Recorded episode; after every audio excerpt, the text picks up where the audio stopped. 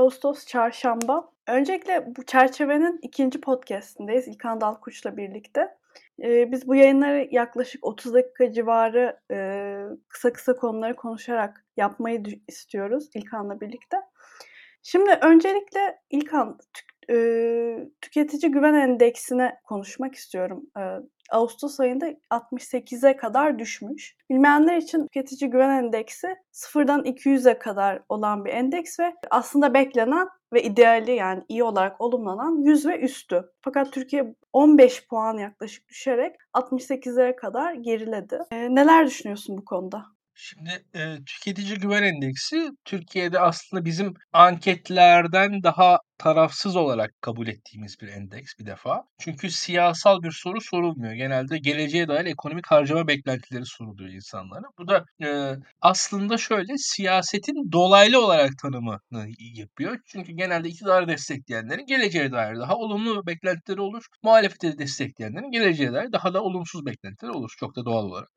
Bu açıdan da siyasal bir anketin dolaylı yansımasını gösterir. Doğrudan siyasal olmaması da aslında anketin güvenilirliğini arttırır. Ve e, şöyle de bir durum var. Türk halkının ben e, Aybüke neredeyse anket yapılabilir bir halk olmaktan dahi çıktığına inanmaya başladım son zamanlarda. Çünkü e, halk röportajlarında bir halk olduğunu düşünmüyorum. Her, her halk röportajının da mikrofon uzatılan insanın artık kendisine mikrofon uzatıldığının bilinciyle bir sahneye çıkma edasıyla o röportajı yaptığını bildiğim için aynı şekilde artık anketlere de insanların çok da dürüstçe cevaplar verdiklerine inanmıyorum.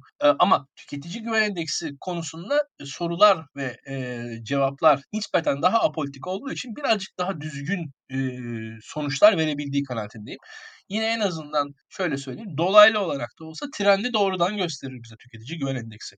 Şimdi tüketici güven endeksinin şöyle bir e, gerçekliği var. 90'lardan e, 68'lere kadar indiğini görüyoruz Mayıs ayından bugüne kadar.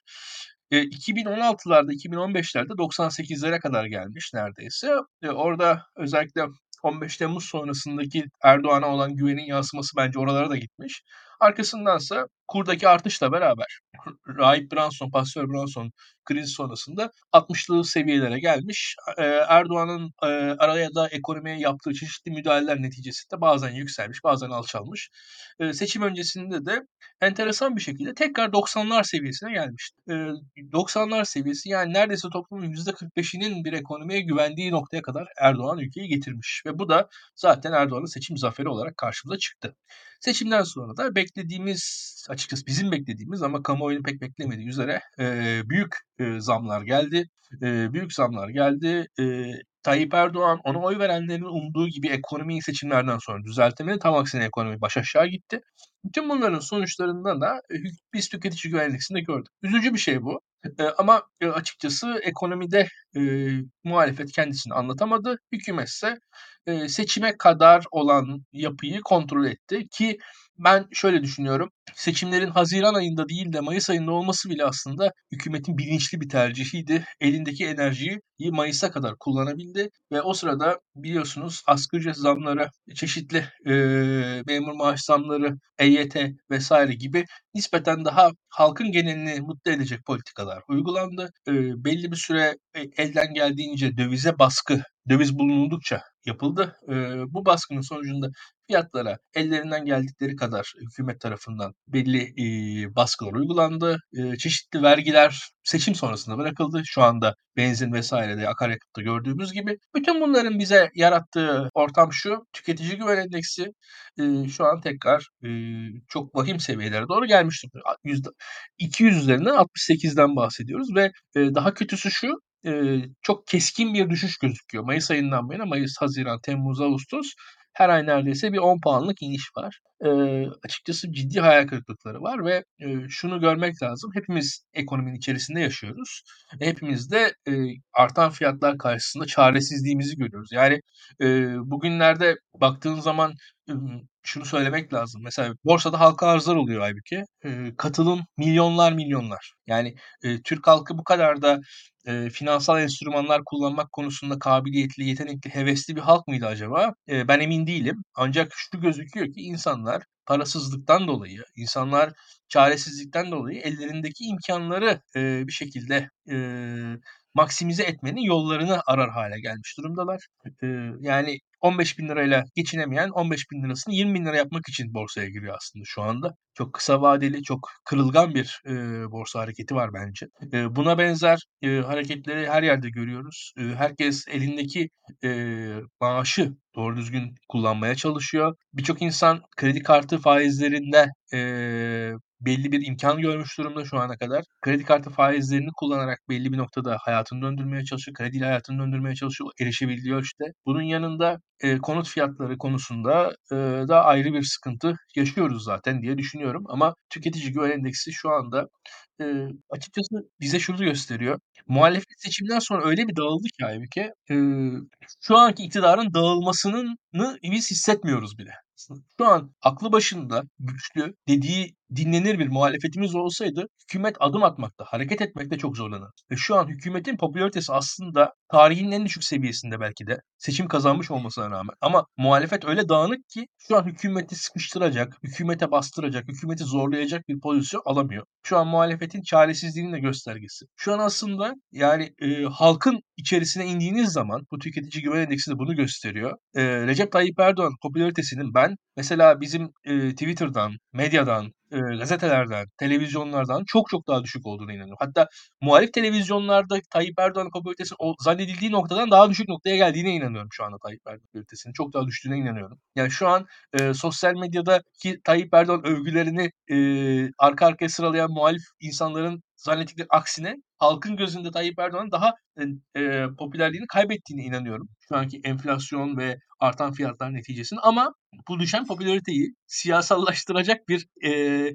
elimizde mekanizma ne yazık ki yok. Şu an muhalefet çok dağınık durumda ve muhalefet iktidara gelme iddiası yok. O iddia ve o irade olmadıktan sonra da isterse Erdoğan yani e, sıfır popülariteye sahip olsun. E, karşısında bir aday şu anda gözükmüyor. E, onun rahatlığını yaşıyor şu anda. Onun e, konforunu yaşıyor diye düşünüyorum. E, mesela şu an tabii anketler eskisi kadar popüler değil. E, ama elimize geçen, biraz izlediğimiz anketlerde de şunu görüyoruz. Daha ziyade seçimlerden sonra e, küçük partilerin oyları artmış durumda. Radikal Parti dediğimiz partinin oyları yükselmiş durumda. Yüzde ikilik partiler, üçlük partiler, yüzde birlik partiler yüzde üç dört seviyesine gelmiş durumda hemen hemen. Bunu e, şeyden, ideolojiden bağımsız söylüyorum. Yani en İslamcısından en sekülerine, en milliyetçisinden e, en radikaline yüzde bir seviyesinde olan partiler yüzde üç dört seviyesine gelmiş. Büyük partiler, Adalet ve Kalkınma Partisi ve Cumhuriyet Halk Partisi ise popülerlik kaybetmiş durumdalar şu anda gözüken o. E, bu da aslında siyasetten, siyaset kurumundan, siyaset iddiasından e, uzaklaşmış belki de. Daha doğrusu e, yönetebilir siyaset iddiasından, yönetilen yani Türkiye'deki cari siyasetten uzaklaşmış, birazcık daha kendi kozasına, kendi çekirdeğine geri çekilmiş insanların göstergesi bu.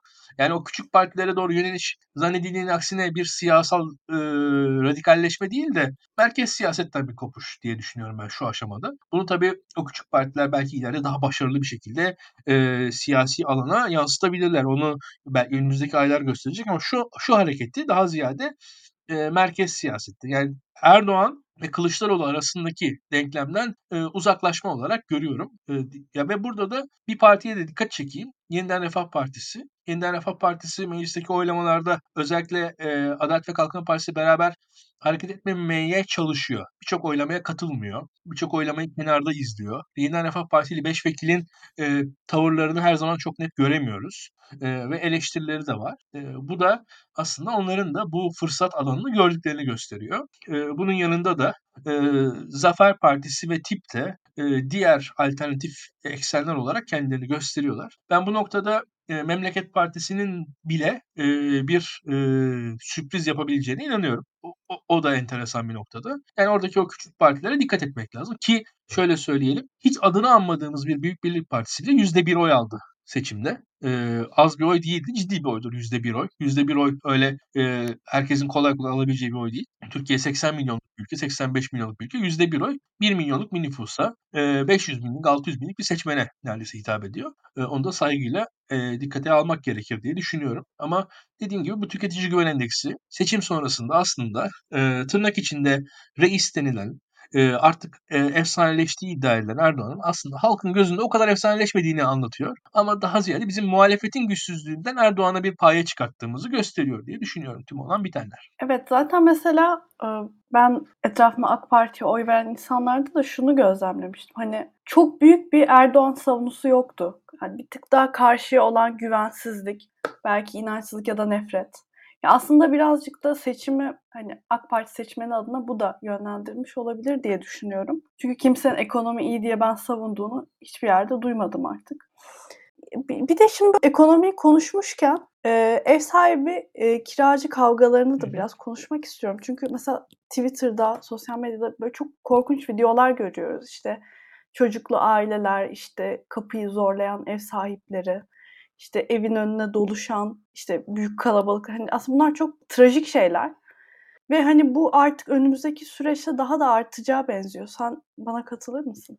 Eee, ne yazık ki katılıyorum. Bu Erdoğan'ın ekonomiyi yönetme, eee, tercihlerinden bir tanesi. Ekonomideki, eee, Erdoğan'ın, ııı, kararlarının sonuçlarını, ııı, başka insanların sırtına yüklüyor. Şu anda aslında yine ekonomik kararlar sonucunda konut fiyatları çok arttı. Konut fiyatları çok artınca, eee, bu bir noktada, ııı, kiralara da yansımak zorunda kaldı. Çok artmış bir konut fiyatları var. Yani 2 sene önce, eee, işte ₺1.000.000'lik konutlar şu an ₹5.000.000'den bahsediliyor. Şimdi konut fiyatının bu kadar arttığı yerde kira fiyatlarının da konut fiyatlarıyla bir ölçüde paralel takip etmesi gerekir diye insanlar umuyorlar. En azından ellerindeki, eee, konutların fiyatı benim konutumun fiyatı böyleyse, ya, kirası da, ııı, en azından, eee, konut fiyatını bir noktada karşılar diye umuluyor. Bu bu dünyada eskiden 10 yıldı, sonra 20 yıl oldu. Biraz konut fiyatlarının artışı daha yükseldi. 20 yıl, 30 yıl ama kaç yıllık kirası bir konutun fiyatına denk gelir sorusu var. Burada artık, eee, bu bu makas çok açıldı Türkiye'de birçok yerde. Çünkü insanların gelirleri sınırlı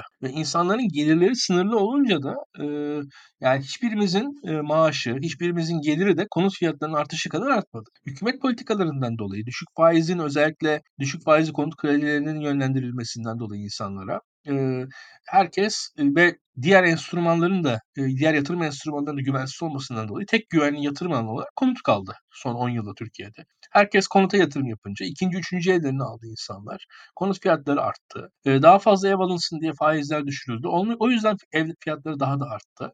Eee, hiçbir müteahhitin konutu, yaptığı konut boş kalmadı. Herkes bir konutu aldı. Ancak bütün bunların sonucunda da tüm artışın arkasından insanların bir, ka yaşayacakları evler gerekiyordu. Yani bu bir de, eee, bu konutlarda kira ya, mesela bir konutunuz var diyelim. Konutu kime kiralayacaksınız? Kim hangi, eee, kirayı verecek ve orada yaşayabilecek sorusu var ve şu anda biz öyle bir noktadayız ki mesela İstanbul gibi bir şehirde, eee, düşük bir memur maaşıyla, eee, sizin diyelim ki, eee, Etiler'de bir lisede hademesiniz veyahut da Etiler'de bir lisede öğretmensiniz. Eee, ilk yıllarınız. Iıı, hangi kirayı nasıl ödeyeceksiniz? İstanbul'un merkezinde nasıl bir yerde kalacaksınız? Eee, o iş yerine nasıl gidip nasıl geleceksiniz? Veyahut da şöyle söyleyeyim, birçok İstanbul'da, eee, noktalar var. Eee, bazı işletmeciler şöyle ifadelerde bulunuyorlar. Şu kadar maaş veriyorum, eee, hiç kimse çalışmıyor. E, çünkü o kadar maaş verdiğiniz noktanın, eee, 2 kilometre çevresindeki kiraların ne olduğunun farkında mısınız? Hani, niye çalışsın insanlar veya o o o maaşla orada çalışmak için oranın çevresinde yaşaması gerekiyor insanların ve onun da rasyonel bir karşılığı yok. Eee, bir defa Türkiye'nin anayasasına göre, eee, bir barınma hakkı diye bir, eee, gerçeklik var ve gerçekten de, eee, iki iki, eee, gerçek kişi arasında bir, eee, ticari anlaşmazlık olabilir ama bu anlaşmazlıkların asla ve asla insanların evlerine taşınmaması gerekiyor. Bir defa ahlaken bunu söylemek lazım. Yani hiç kimsenin, eee, çocuklarının olduğu, ailesinin yaşadığı evinin bir, eee, anlaşmazlık çözülmesi alanı hâline getirilmesini insani olarak, eee, doğru bulmuyorum. Yani eğer bir insanların, eee, maddi talepleri varsa bunları, eee, hukuki yollardan, eee, gerek tebligatla gerek avukat yoluyla, eee, kendilerinin öyle ifade etmeleri gerekir. Yani bu barbarca e evin önüne, eee, doluşmak falan bunlar kabul edilebilir şeyler değil ve, eee, ülkemizin bunlardan arınması gerekiyor. Yani, eee, bunun, ııı, bir çözümü yok. Yani eğer siz evinizdeki yaşayan kiracıdan rahatsızsanız bu konudaki rahatsızlığınızı kamu otoritesine ifade edeceksiniz. Türkiye'de e,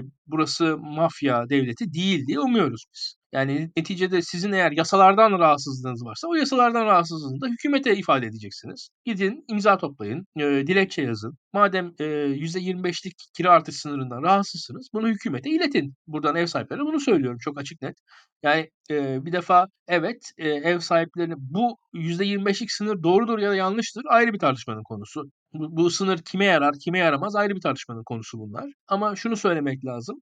E, memlekette olan bitenin sorumluluğunun nerede olduğunu, buradaki sorumluların kimler olduğunu öğrenmek lazım. Onlara yönelmek gerekir diye düşünüyorum. Yoksa e, tırnak içinde biz e, ne yazık ki fırsatçı avlamaktan ekonominin gerçeklerine bakamıyoruz. Yani soğan deposu basmanın bir diğer versiyonunu yaşadığımızı düşünüyorum ben burada. Ee, Erdoğan hükümeti, Erdoğan e, burada gerçekten kendi sorumluluğunu e, çeşitli e, ekonomik aktörlerin üzerine atmayı iyi biliyor. Bir noktada stokçulardan bahsediyorduk. Sonra fırsatçılardan bahsettik. Arkasından geldik. Şimdi ev sahipleri ve kiracılar. İki grup birbirlerinden düşmüş durumdalar şu anda. Ve öyle bir noktadayız ki mesela birçok ev sahibi de şu an bir evini kiraya vereceği zaman %25'lik e, kısıttan ötürü normalde kiraya vereceği mesela 7 bin liraya kiraya verecekken %25'lik kısıt var. Enflasyon ne olacağı belli. Ben 10 bin liraya kiraya vereyim. En azından 2-3 sene daha makul kiramı almış olurum. Yarın çünkü enflasyonun ne olacağı belli değil de diyen insanlar var. Ve burada e, gerçekten çok sıkıntılı bir noktaya gelmiş durumdayız. Asıl tüm sıkıntıların en özü enflasyon. Enflasyon e, Türk lirasının e, işlevini kaybetmesini sağlıyor. Türk lirası artık e, bir e, sen geçen yayında da belirttin asla bir birikim aracı olmaktan çıktı. Türk lirasının birikim aracı olmaktan çıkması, Türk lirasının uzun vadeli herhangi bir sözleşmenin unsuru olmaktan çıkmasını sağlıyor. Yani Türk lirasıyla siz uzun vadeli bir sözleşme yapmak istemiyorsunuz. E, kira sözleşmesi ise yapısı gereği e, neredeyse 10 yıla kadar uzanan bir vadesi olan bir sözleşme. 10 yıla kadar vadeli bir sözleşmeyi siz TL üzerinden yapmak istemiyorsunuz. E, bir yandan da hükümetimiz de dolar üzerinden yapılan herhangi bir sözleşmeyi e, bu kira üzerinde yasakladı. E, bütün bunların da getirdiği bir çıkışsızlık var. Yani kira sözleşmesi TL üzerinden oldukça bunlar olacak. Ya TL'yi güvenilir bir para haline getireceksiniz veyahut da e, bu sözleşmelerdeki yasal unsurları değiştireceksiniz. E, bütün bunların sonunda da işte ev sahipleri de yan yollar bulacaklardır e, eminim. E, şu aralar çok sayıda ev sahibi kendi çocuğum oturacak diyecektir. Veyahut da hileli satışlarla e, evi mesela amcasına satacaktır. E, evin sahibi değiştirecektir. Orada 5 e, yılda bir olan çeşitli hukuki hakları var. Tekrar yeniden değerlendirme falan. Bunun gibi haklar değerlendirilecektir. Bunun yanında tabii e, geçmiş yıllara kadar mesela öğrenciye ev vermem diyenler özellikle öğrenciler 1-2 yıl kalır çıkarlar diyerekten evleri öğrenciye vermek isteyeceklerdir. Çünkü e, şu aşamada, şu enflasyonist ortamda e, evde uzun süre kalacak, düzenli e, kira ödeyecek, eve iyi bakacak e, saygın aileler aslında kira, ev sahiplerinin istemeyeceği kiracılar haline geldiler şu anda. Çünkü öyle aileler 10 yıl 15 yıl belki orada kirada kalmak isteyecekler. O da ev sahibi için bir korkunç e, e, bir netice olarak kalacaktır diye düşünüyorum. E, çok üzücü bu dediğimiz gibi biz e, bir defa kurumsal olarak şunu söylememiz lazım. Asla şiddeti onaylamıyoruz ve e, herhangi bir şekilde bu şiddeti onaylamanın şöyle bir boyutu da var. Yani bu bu tartışmaların evde olması kabul edilemez. Yani bir insan evinde bu tartışmaları gerçekleştirilemez. Yani oturulur daha sakin bir yerde, daha en azından saygın bir yerde, bir avukatın ofisinde olabilir, başka bir yerde olabilir. Bütün tartışmaların daha açık alanlarda gerçekleşmesinin daha münasip olacağını düşünüyorum kendi adıma. Bu tarz e, yüksek sesli ifadelerin insanların evlerinin ortasında, çoluk çocuğun arasında, yaşlı insanların içerisinde olması da e, kendi adıma benim vicdanıma daha da yer alıyor. E, hiç kimse kiracı olduğu için bunları çekmek zorunda değil. Hiç kimsenin evinin mahremiyeti e, zedelenemez. Ev mahremiyeti, hanenin mahremiyeti diye bir şey vardır. Bunun e, buna buna saygı duyulması gerekir. Ne yazık ki birçok insanımızda hukuk e, nosyonu zayıf. Bizde genelde tüm halkımızda zayıf. Yani o ev sizin olabilir ama o evin evi siz kiraya vermişsiniz artık. O ev birisinin hanesi. Hiç kimsenin hanesine zorla giremezsiniz. Yani bunu bunu söylemek lazım ve bu korkunç bir şey gerçekten de. E, şu anda tüm Türkiye'de bunun farklı boyutları yaşanıyor. Bir yandan bir Airbnb meselesi var düşünün. Ee, onun dışında e, herkes komşularını gözetliyor şu anda. Herkes birbirinin aldığı verdiği kirayı gözetliyor. Eee, birçokları, eee, çeşitli gelir unsurları aramanın, bulmanın peşindeler. Bugün, eee, aslında kiralama konusunda da, eee, İstanbul taksicileriyle ev sahiplerinin de bazen benzeştikleri yerler de var. Yabancıya kiraya verelim diye böyle. Ama bir yandan da, eee, ben Antalya taraflarından enteresan şeyler duydum. Imm, yani kimi Rus kiracıların bazı ev sahiplerini hafif dolandırdığına dair hikâyeler de geliyor. Eee, ya birçok şey şu an piyasa allak bullak olmuş durumda.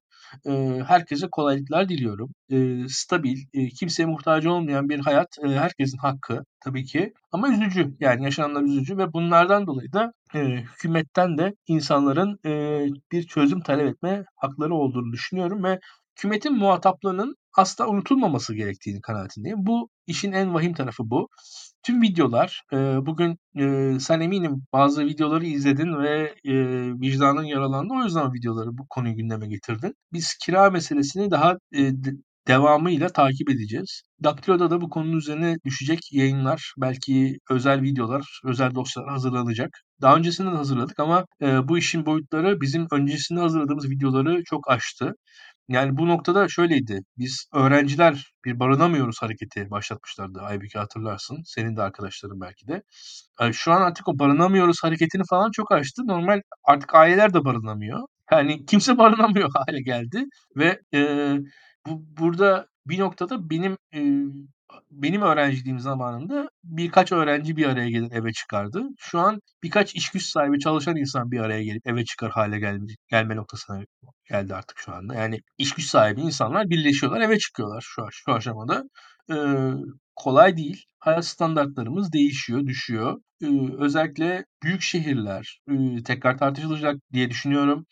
Bunun dışında uzaktan, eee, çalışma, eee, koşulları, eee, tekrar tartışılacak diye düşünüyorum. Eee, emeklilerin İstanbul'dan özellikle tatil yörelerine yönlendirilmesi konusu tekrar tartışılacak diye düşünüyorum. Özellikle büyük şehirlerin bu insani, eee, yükü, ııı, kolay kolay kaldıramadığı açık. Ama bunun bir de göç boyutu var. Zaten onu da ayrıca değerlendiririz. Yani İstanbul'un neredeyse %20'si falan da, İsta Türkiye dışında doğmuş deniyordu en son bir istatistikte. Bilemiyoruz, yani tekrar bakmak lazım, tekrar izlemek lazım. Evet. Ya, bir de şöyle, kesinlikle asla kimsenin bir evine basmak, yuvasını, ailesinin ortasında rencide etmek kabul edilebilir bir şey değil. Ama bu süreç aslında ev sahiplerini de çok mağdur ediyor. Yani sonuç olarak emeklisin, işte hayatın boyunca almışsın bir tane ev, onun kirasıyla da biraz hı. geçimini sağlıyorsun. Bu enflasyon ve işte, eee, emlak üzerine yapılan politikalarda senin de aslında paran eriyor. Yani aslında herkes ya şöyle aslında kiracıya da bir şey diyemiyorsun. Sonuçta onun da bir geliri var. Hani daha üstünü ödeyemeyecek duruma geldi insanlar. Ya insanlar açıkçası burada biraz birbirlerine düşürülüyor hem de yani bir devlet politikasıyla aslında. O yüzden umarım bir çözüm olur di diyorum. Başka bir herhâlde pozitif bir şey diyemiyorum maalesef. Başka bir, eee, negatif gündemle birazcık da yangını konuşalım istiyorum. Şimdi biz bu yayını 23 Ağustos Çarşamba saat, eee, 4 sularında çekiyoruz.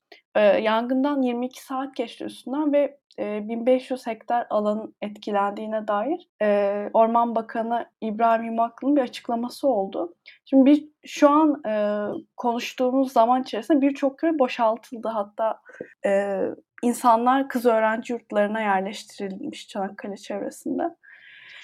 Ya, şimdi bu yangın olayı hep, hani, her yaz Ege bölgesi, Akdeniz bölgesinde, işte, komşu ülkelerde, Yunanistan'da hep olan bir durum. Yani her yaz bizim yaşadığımız bir durum ve şunu merak ediyorum, nasıl yetişilemiyor ya da nasıl öncesinden bir hazırlık ya da mümkün olmayan bir şey mi öncesinden büyük bir hazırlık yapmak yangına karşı? Bundan önce İzmir'de de çok büyük yangınlar görmüştük. Bu nasıl bir şey deprem İlkay? Yani ne kadar hazırlık yaparsan yap asla yetişemeyeceğin bir durum mu? Şimdi, eee, şöyle, dünyadaki en büyük yangınlar dünyadaki en büyük ülkelerde yaşandılar. Eee, Rusya'da yaşanan çok büyük yangınlar vardı ki o yangınların sonuçları neredeyse Arap Baharı'nı tetikledi.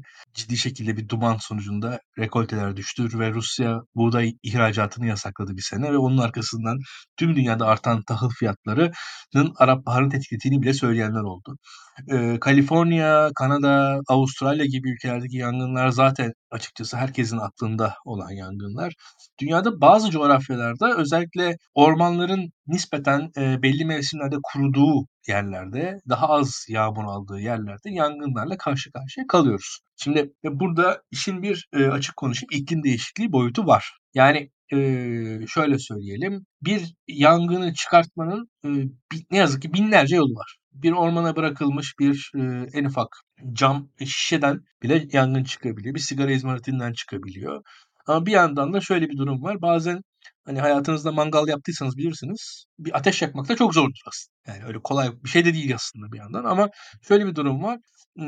Yanabilir büyük bir kitlenin olması gerekiyor ve aslında orada kritik bir eşik, aşıldığı zaman da sizin, sizin bu bu yangınla baş etmeniz de ne yazık ki çok zorlaşıyor. Çünkü yangın çok büyük bir enerjiyi ortaya çıkartıyor.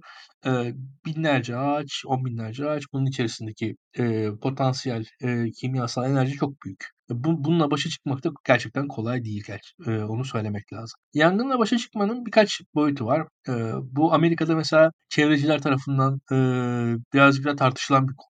Mesela ormanlar temizlenmeli mi? Çeşitli otlardan. O otların kuruması ormanları daha kırılgan hale getiriyor ama ormanların temizlenmesi de ormanların doğal dengesini biraz bozuyor. Bu mesela, eee, tartışılan bir konudur.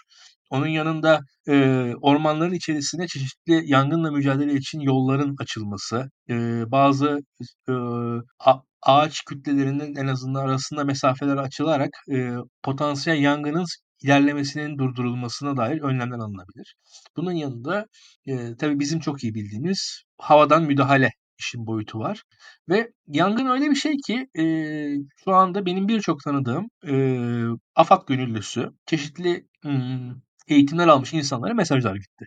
2-3 gündür zaten o insanların mesajları sayesinde ben bu yangının büyüklüğünü algıladım. Tanıdığım birçok arkadaşıma mesajlar gitti. "Sizin katkınızı bekliyoruz. Bu yangın için Çanakkale'ye şu saatte kal" Yani gönüllülerin Çanakkale'ye gitmesi adına mesajlar gitti AFAD'dan. Eee, zaten bu işler biraz böyle. Bizim gönüllü kültürüne de, eee, sahip olmamız gerekiyor. Çünkü diğer, eee, kamu hizmetlerinin aksine, yani diyelim polis, eee, asker, eee, her zaman bir polis, polislik yapar, değil mi? Asker her zaman askerdir ama itfaiye eri aslında ancak yangın olduğunda çalışır denilebilir. O yüzden aslında hiçbir zaman da, eee, yeterli sayıda itfaiye çalışanı olmayacak, eee, bir noktada. O yüzden, eee, bir çekirdek uzman itfaiye çalışanının yanında, hem yöre halkı hem de gönüllülerin, bu işte paralel olarak eğitilmesi gerekiyor. Bu şu an yapılıyor ama yetersiz. Daha da yapılacağını tahmin ediyorum. Tabii bunun yanında da e eskiden bu işlerde asker çok etkiliydi. Eee, şimdi askeriyenin, eee, hem mevcudu azaldı hem, eee, yapısı değişti.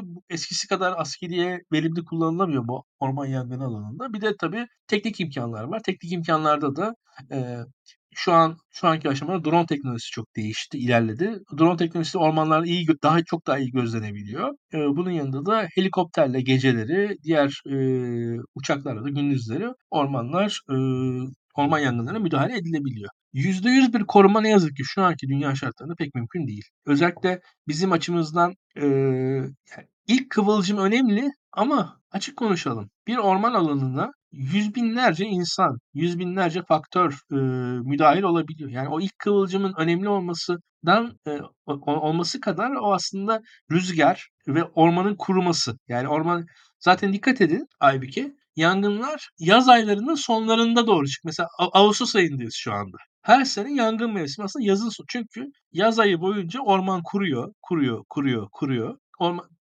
aslında aynı ateşler daha önce de yakılıyor. Yani haziran ayında da aynı ateşler yakıldı ama haziran ayında orman bu kadar kuru değil açıkçası. Temmuz ayında bile orman bu kadar kuru değildi. Tüm orman, eee, ağustos ayının en kuru hâline geliyor ve ne yazık ki, eee, yangın mevsimi kavramı çok acı bir kavram ama yangın mevsimi gerçekten yaz aylarının sonları yangın mevsimidir. Ya, bunun sonunda da yaz aylarının sonlarında, eee, daha ziyade bu yangınlar çıkmaya başlıyor ve biz de bunlarla, eee, üzülerek karşı karşıya geliyoruz. Çanakkale, eee, Türkiye'de rüzgâr enerjisinin sanırım en yoğun kullanıldığı illerden bir tanesi. İzmir de diğeriydi. Yani şu an Türkiye'de en çok rüzgâr enerjisi, eee, santrali olan il il Çanakkale olabilir. Hatta ya Çanakkale enerjisinin çoğunluğunu, eee, Ç Çanakkale tüketilen elektrikten daha fazla elektriği rüzgârdan Çanakkale yani, eee, şey yapıyor olabilir, eee, elde ediyor olabilir yani. O konuda böyle bir istatistik bile hatırlıyorum ama şimdi ya yanlış olmasın. Ama Çanakkale'nin Türkiye'deki en yüksek rüzgar e, enerjisini üreten ilimize ilimiz olduğunu söyleyebilirim. Yani Çanakkale Türkiye'nin en çok e, rüzgar alan illerinden de bir tanesi. Zaten e, Truva'nın e, ev sahibi olan ilimiz e, eski Yunan tanrılarının Poseidon'un falan e, kimlerden ilham aldığını da oranın rüzgarlarına ilhamla e, bu tanrılar isimlendirildi neredeyse. Çanakkale ilimizde böyle bir ilimiz. Ne yazık ki bu açıdan da yangınlara e, her ne kadar e, Akdeniz bölgesindeki iller, İzmir, Muğla kadar sıcak bir yer olmasa da Çanakkale, rüzgardan dolayı da çok çok çok e, yani e, kırılgan bir ilimiz. Çünkü Çanakkale'de çok büyük rüzgarlar var ve çok büyük rüzgarlar da ormanları büyütüyor, orman yangınlarını büyütüyor ve e, yangınların hızla büyümesine sebebiyet veriyor. Bunu söylemek gerekiyor. E, yani üzücü, hakikaten üzücü. Çözüm tabii e, ormanların daha iyi gözlemlenmesi, orman alanlarının e, daha iyi denetlenmesi, sıradan vatandaşın tabii ki bilinçlenmesi. Özellikle şöyle söyleyelim yani gerçekten yangın mevsimi diye bir şey var. Yani mesela e, Ocak ayında siz mangal yakıp onu unutsanız yine kötü tabii yapmayın öyle bir şey de. Yani şu an yapmanız çok tehlikeli. Özellikle Ağustos ayında herkes hareketine çok dikkat etmesi lazım. Yani Ağustos ayında, Eylül ayında herkesin hareketlerine çok dikkat etmesi gerekiyor. Çünkü bu konularda herkes Türkiye'de mesela şeyden bahseder. Eee, kundakçılık meselesi konuşulur orman yangınları konusunda. Kundakçılık meselesi tabii ki önemlidir. Tabii ki bir suçtur, çok büyük bir suçtur kundakçılık. Ama yangınların bu mevsimde olması aslında bize de şunu gösteriyor. İklim değişikliği, ormanın genel hali bize bunu orman yangını konusunda en büyük sıkıntının aslında yapısal olduğunu söylüyor. Biz tabii sıradan insanlar olarak gözümüzde bir suç var orman yangını. Basitçe bir suçlu aramak istiyoruz. Yani çok hepimizin zihni öyle çalışıyor. O kundakçıları halletsek aslında orman yangını sorunumuz hallolacak diye düşünmeye düşünmek istiyoruz. Ama ne yazık ki pek hayat öyle kolay değil.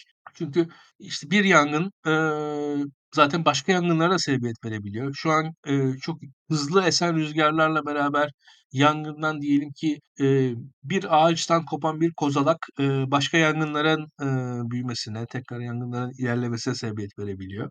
E, çok korkunç şeyler hakikaten de. Kolay değil çözümü. O açıdan dediklerin doğru. Bu konularda şunlar var. Özellikle 80'lerde 90'larda e, imar meselesiyle bu orman yangını konuları çok paralel konuşulurdu. O konuda biraz şunu söylemek istiyorum. Türkiye'deki mevcut düzende artık e, bir Cumhurbaşkanlığı kararnamesiyle, e, bir kararıyla çok rahat her yer imara açılabiliyor. Yani bunun için şu anki mevcut yönetimin e, bir orman yangınına ihtiyacı olduğunu inanmıyorum. Bu konular Türkiye'de hukukun daha fazla işler olduğu, e, kuvvetler ayrılığının daha geçerli olduğu yıllarda belki e, kullanılabilirdi. Yani orman yangınıyla imar arasında bir ilişki kurulabilir. Ama şu anki e, yönetimin öyle bir orman yangınına falan ihtiyaç duyduğuna inanmıyorum doğrusunu söylemek gerekirse. Tam aksine e, istediklerini istedikleri şekilde zaten e, yapıyorlar. Yani bu yani şu anki iktidar herhangi bir yere bir inşaat yapacak da onu orman olduğu için duracağına inanmıyorum ben zaten. Yangın aksine ekstra masraf çıkartacağı için tercih bile edilmez yani bugün baktığında. Ya ben çok naif görüyorum açıkçası bu düşünceleri. Biraz eski düşünceler bunlar. Evet yani umarım biz bu podcast'te artık yayınladığımızda bu yangın bitmiş olur. Umarım daha artık e, eski konuları konuşmuşlar diye umuyorum ama maalesef yangın daha uzun sürecek diye gözüküyor. Ee, çok teşekkür ederim İlkan. Seni dinlemeyi hep çok seviyorum. Hep yeni şeyler öğreniyorum senden. İzleyicilerimize de çok teşekkür ediyorum bizi dinledikleri için. Ee, yayınlarımızı paylaşmalarını çok rica ediyorum. Podcastleri, e, ilgisini çekebilecek arkadaşlarına ya da, ya da sosyal medyalarına. Herkese çok teşekkür ederim. İyi günler dilerim. İyi günler.